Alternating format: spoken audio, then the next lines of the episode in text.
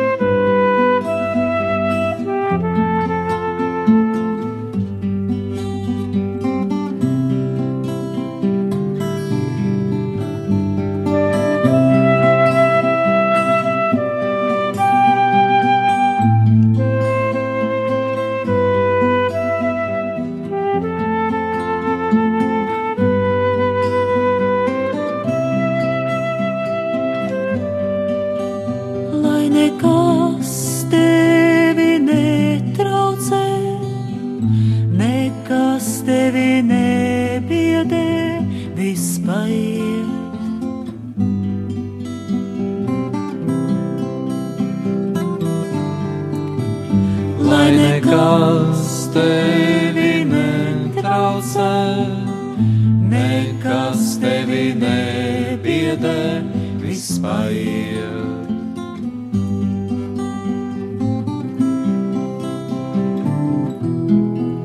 Dievs nemainās, Pacietība sasniedz visu. Dievs nemainās, pacietība sasniedz visu. Lai nekas tevi netraucē, nekas tevi nebiedē, paiet.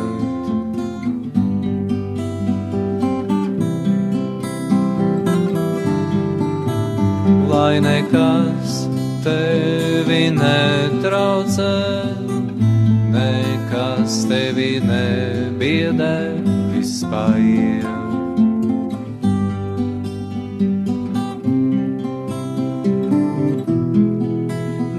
nemainās, pacietība sasniedz visu. Dievs nemainās, pacietība sasniedz visu.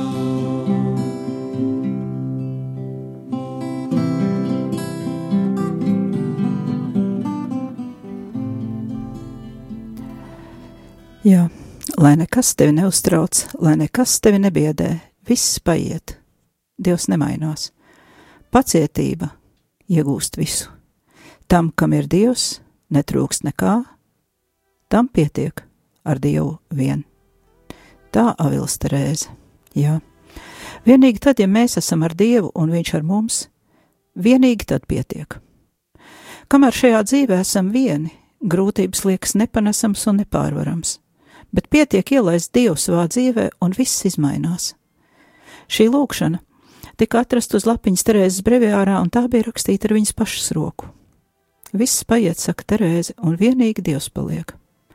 Šī lūkšana kopš 16. gadsimta daudziem cilvēkiem ir palīdzējusi viņu grūtajās situācijās. Taču mēs paši no pieredzes zinām, cik dažreiz liekas neiespējami piedzīvot Dieva klātbūtni, lai gan esam daudz un no sirds lūgušies. Šovakar tad arī runāsim par Dieva klātbūtni. Šobrīd baznīcai grūtajā laikā Pāvests Francisks aicina visus ticīgos uz lūgšanu nožēlas garā, bet īpaši viņš uzsver, ka jālūdzas rožkroņu lūgšana. Pēc tam tavā patvērumā un lūgšana ar ceņģelim Miķelim. Raidījuma beigās divas pēdējās arī palūksimies. Bet tagad vēlos dalīties ar jums kādā ļoti labā materiālā, ko sarakstīs viens cisterciešu mūks Tomas Skītings, mūks priesteris. Man šis materiāls uzrunāja ar svaigo mūsdienīgo valodu. Pilnīgi dabiski, ka mēs katoļi labi zinām, kas ir rožkronis, taču bieži vien mums ir grūti iemācīt, piemēram, saviem bērniem vai mazbērniem, cik šī lūkšana ir nozīmīga un svarīga. Mēs īsti nemākam izskaidrot citiem, jo neprotam atrast īstos vārdus. Tāpēc tagad uzmanīgi ieklausīsimies visi, kas sastapušies ar līdzīgu problēmu, un īpaši aicinu ieklausīties tos, kuriem rožkroņa lūkšana liekas kaut kas no vecmāmiņa pūrulādes, kaut kas nesaprotams, nevajadzīgs, jo ir taču jauni laiki, jauna informācija un daudz dažādu jaunu lūkšanu formu. Un klausamies, ko par to visu saka Tomas Skitings. Rožakronis ir pazīstams kopš agriem viduslaikiem. Tā izgudrošana bija ģeniāla ideja. Tajos laikos nebija grāmatu, un vienkāršā tauta svētdienās aizgājusi uz baznīcu nesaprata evaņģēlī teikto, jo tas tika sludināts latīniski. Tātad svētie raksti vienkāršajai tautai nebija pieejami. Roža kronis, kas balstās uz Jēzus dotās lūkšanas tēvs mūsu un no rakstu fragmentiem veidotās lūkšanas esi sveicināta Marija atkārtošanu, veido vienkāršu vārdisku lūkšanu, kuru parasts lais varēja viegli noskaitīt. Rezultātā rožkronis kļuva par laju breviāru, par stundu lūkšanām. Dažas šī lūkšanas metode ar laiku aizveda līdz kontemplatīvai lūkšanai. Pēc manām domām, tradīcijā vienmēr ir valdījis uzskats, ka pastāv trīs rožkroņa skaitīšanas veidi, un lūdzējs var apvienot divus vai pat visus trīs. Lūkšanas pamatprincips ir lūkšana atkārtošana atbilstoši rožkroņa zīlītēm. Tas ir pirmais lūkšanas veids. Būtisks progress bija tas, ka vienkāršai lūkšanas skaitīšanai tika pievienotas pārdomas par lielajiem ticības noslēpumiem. Katra dekāda tika saistīta ar vieniem no lielajiem Jēzus un Marijas svētkiem. Termins noslēpums, kuru lietojam, attiecas uz šī notikuma žēlastību, uz pārliecību, ka Dievs noteiktā veidā bijis klātesošs šajā notikumā un unikāli atklājies.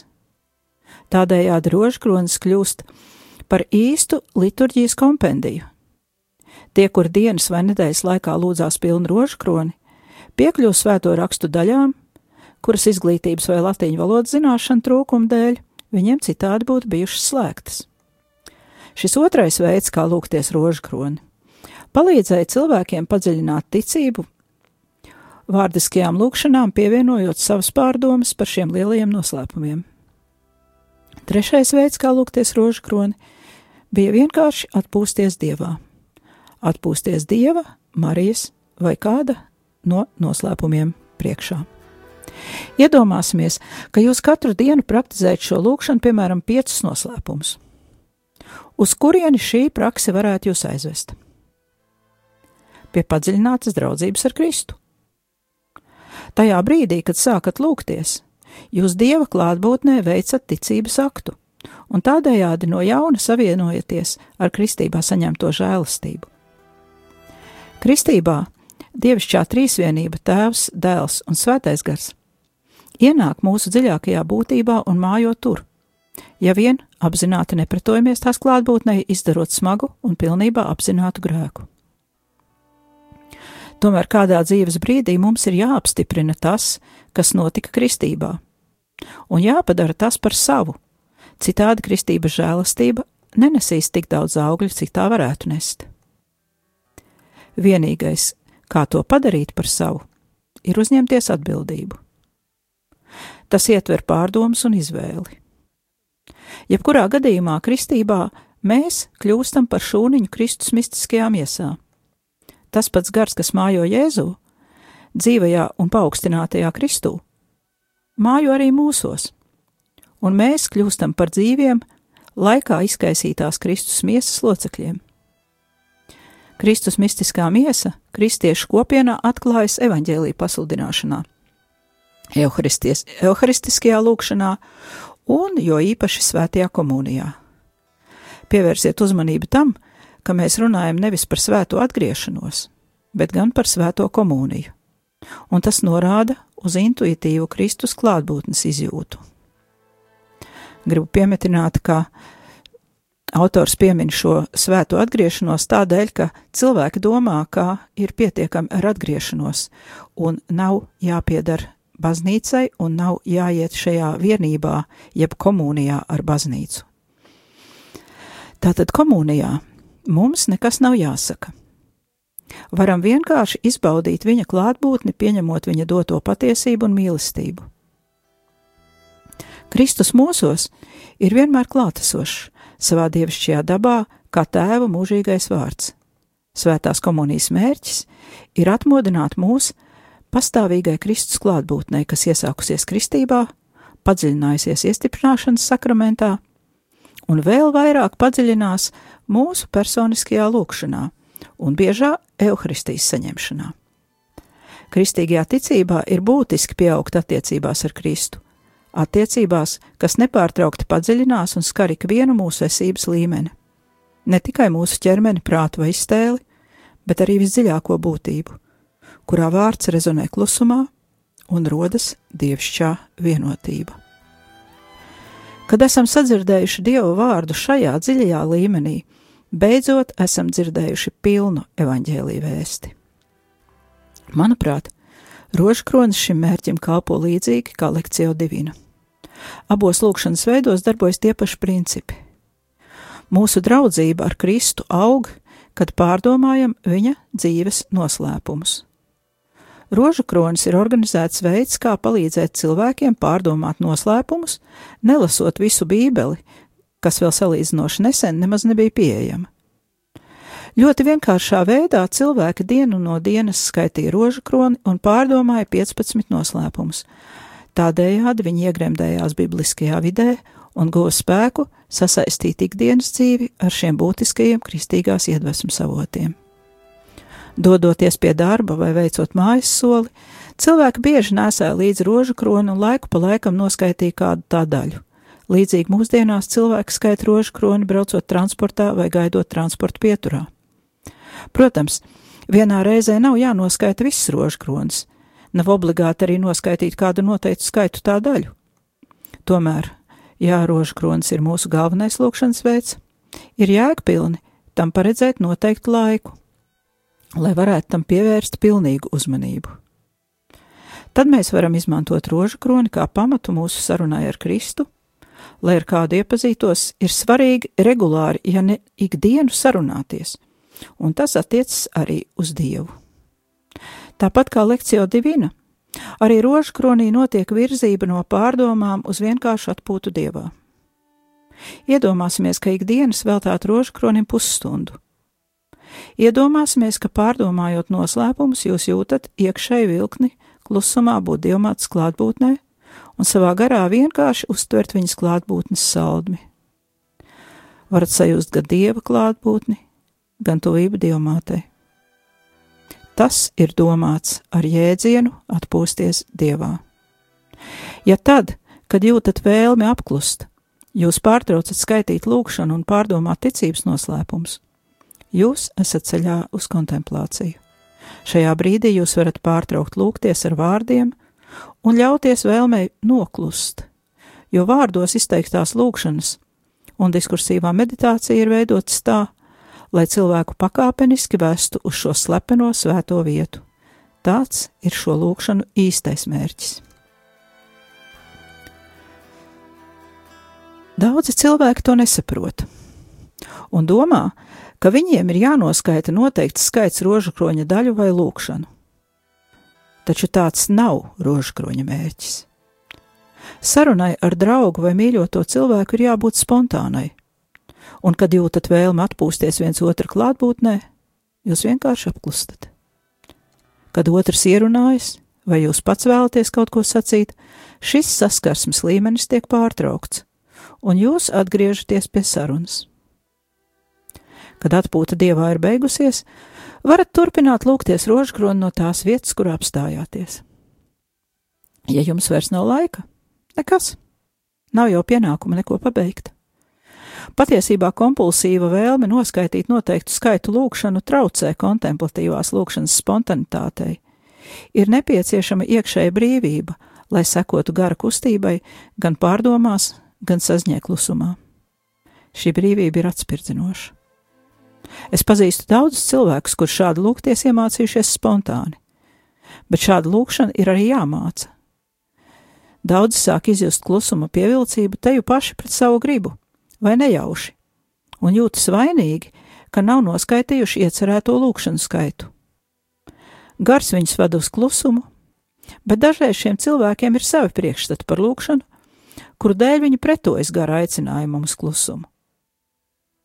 Sanāk, cilvēki noskaitīja noteiktu daļu rožu kroņa, lai saņemtu grēku atlaides. Mūsdienās šī praksa ir mazinājusies, bet lai kādi būtu tās nestie labumi, nekad nebūtu bijis jāpieļauj, ka tā traucē garam, kas ved uz kontemplāciju. Šajā atpūtā mēs dzirdam Dievu vārdu visdziļākajā līmenī, savienojamies ar Jēzu Kristu un sākam uzņemt sevī to, ko apustulis Pāvils sauc par Kristus prātu. Salīdzinājumam 1. korintiešiem 2.16. Tātad, atdusoties Dievā, mēs kopa, kopumā gūstam gara augļu un kalnu svētību pieredzi. Kad mūsu ikdienas dzīve ir pārpilna gara augļiem, mēs piedzīvojam kristīgās dzīves patieso pilnību. Tad lūkšana nepārtraukti ietekmē mūsu ikdienas dzīvi. Mūsu apustulāts, jeb kalpošana, Un kā viena no izcilākajām kalpošanām te ir minama ģimenes dzīve un bērnu audzināšana, kļūs efektīvāka.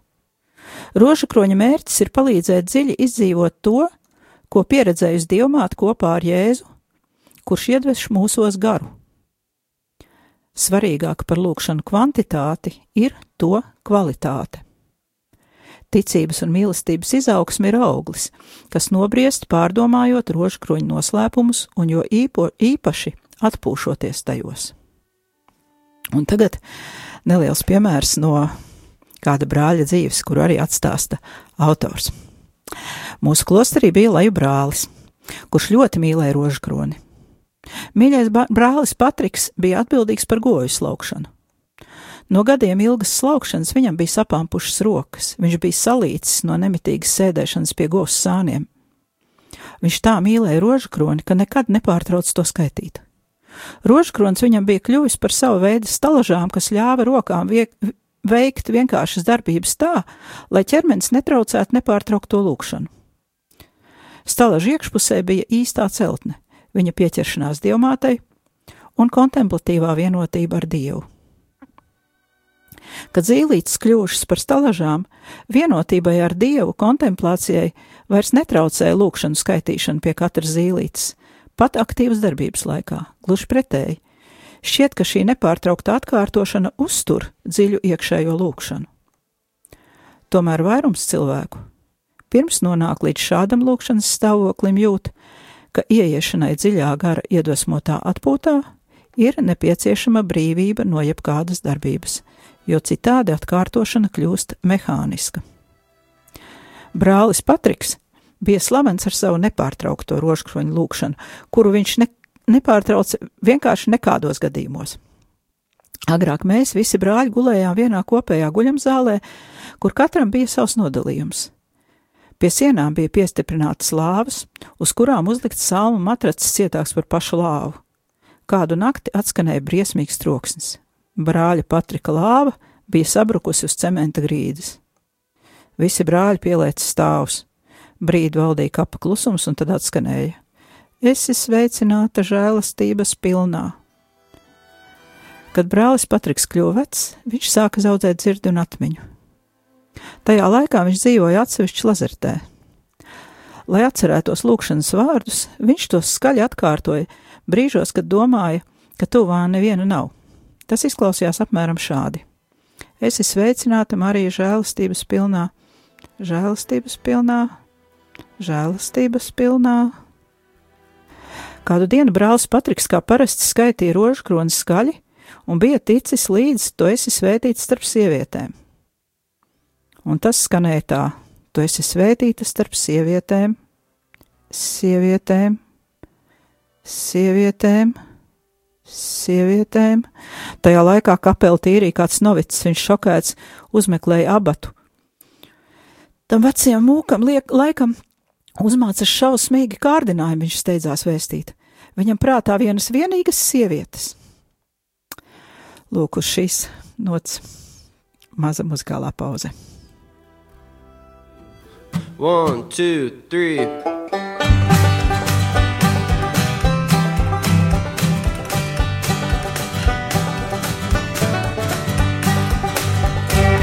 What a joy divine, leaning on the everlasting arms. What a blessedness, what a peace is mine,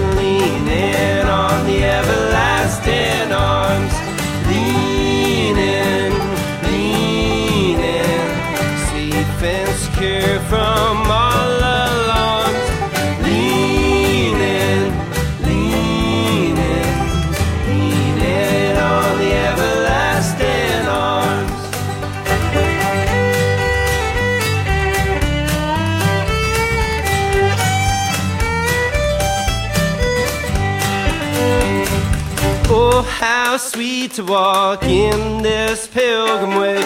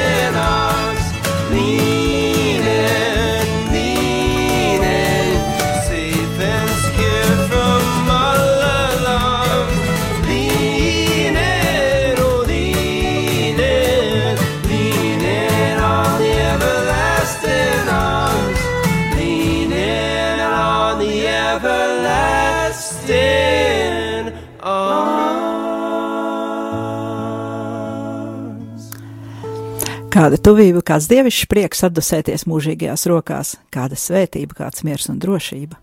Tā dziedāja Vašingtonas Dominikāņu brāļi, kuri sevi sauc par tomistiem no laukiem. Bet tagad turpinu. Arī Toms, cisterciešu brālis Tomas. Daudzi ir izjutuši rožu kroņa lielo spēku, un gara žēlastība viņiem ir iemācījusi, kā to lūgties. Šiem cilvēkiem rožu kronis ir kļuvis nevien par nepārtraukto lūgšanu, bet arī par nepārtrauktu kontemplatīvo lūgšanu. Skaitot rožu kroni, viņi bieži vien atpūšas dievu klātbūtnes noslēpumā, kas ir pārāks par visiem citiem noslēpumiem. Un viņu atpūta ir tik dziļa, ka pat zīlīšu izlaišana caur pirkstiem un lūpu kustināšana tai netraucē. Viņiem nav šīs darbības jāpārtrauc, jo Dievs ir tik dziļi klātesošs viņu sirdīs, ka katra kustība ir lūkšana. Domāju, ka tā lūdzās Dievmāte.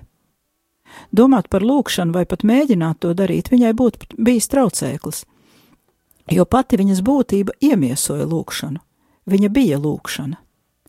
Marijas attiecībās ar Dievu, lūkšanas būtība, bija tik tuvas, ka viss, ko viņa darīja, bija lūkšana, un viņa par to nedomāja. Rožkronis pavisam noteikti palīdz sasniegt kontemplatīvo lūkšanu, tāpēc Dievmāte parādoties pēdējos simt vai divsimt gadu laikā, nemitīgi aicina lūdzieties rožkroni. Var jau būt, ka es kā kontemplatīvs cilvēks to viņas teiktajā ielasu, bet man tomēr šķiet, ka Dievmāte aicina nevis vienkārši lūgties rožkroni, bet lūgties to tā, lai šī lūkšana kļūtu par kontemplāciju. Citiem vārdiem sakot, lūdzieties rožu kroni kontemplatīvi. Tātad tas, uz ko viņa aicina, būtībā ir kontemplatīva lūkšana. Regulāri skaitot rožu kroni, pieaug mūsu izpratne par tā noslēpumiem, un mēs tiekam aicināti tālāk par noslēpumiem uz kontemplatīvo lūkšanu. Mūsos rodas jauna vienotība ar Dievu klātbūtni. Kontemplatīvas lūkšanas brīži sniedz dziļu atpūtu un dziļu saikni ar Dievu. Šī saikne raisa mūsos drosmi un paļāvību godīgi atzīt savu jaukto motivāciju un personības tumšo pusi. Tad var sākties mūsu jauktās motivācijas un egoismu šķīstīšana, jo savus dziļākos ievainojumus mēs spējam atzīt vienīgi kādam, kurš mūs mīl un kuram uzticamies. Mīlestība ir vienīgais veids, kā cilvēks var pilnvērtīgi piedzīvot savu būtību. Ja mīlestības ir būtiski pietrūcis, mēs esam izveidojuši izdzīvošanas mehānismus un sliecamies meklēt laimi šķietamās baudās, emocijās un cieņas simbolos. Bet tam seko neizbēgama vilšanās, kas saista mūs emocionālos mezglos. Kontemplācijas brīdī, un kā tās nobrieduši augli, Dievs mums maigi un pakāpeniski parāda, kam mūsos ir jāmainās. Tādēļ kontemplatīvā atpūta kā rožkroņa daļa to pilnībā pabeidz un piepilda tā varenos apsolījumus. Rožkroņa noslēpumos cilvēks redz, kā Dievs šķīstīja savus kalpus, mēs saprotam, ak, tā tas notiek. Un mīlestībā varam paļauties, lai šķīstī arī mūs. Manis minētie pareizes rožkroņa izmantošanas principi attiecas arī uz citām lielajām kristīgās tradīcijas lūkšanām krusta ceļu, stundu lūkšanām, vissvētākā sakramenta adorāciju, ikonu godināšanu un, jo īpaši, protams, uz lekciju divīna. Citāta beigas. Lūk, tā cisterciešu priesteris Tomas Skītings stāsta mums par rožu kroni. Nu, bet kā tad palika ar raidījumu nosaukumu? Pie ieročiem. Tie nu tie ieroči arī ir Tā ir lūkšana un ar vien dziļāka tošanās dievam, līdz pat pilnīgai iekšējai vienībai. Ja mēs paši un viss, ko mēs darām, kļūst par lūkšanu, līdzīgi kā tas bija ar Dievmātu Mariju, mēs kļūstam līdzīgi viņai un viņas dēlam. Vai tad mēs vairs spēsim nopietni sagrēkot, lai gan savā būtībā joprojām paliksim cilvēki ar noslēdz uz grēku? Kāda mēs varam kļūt?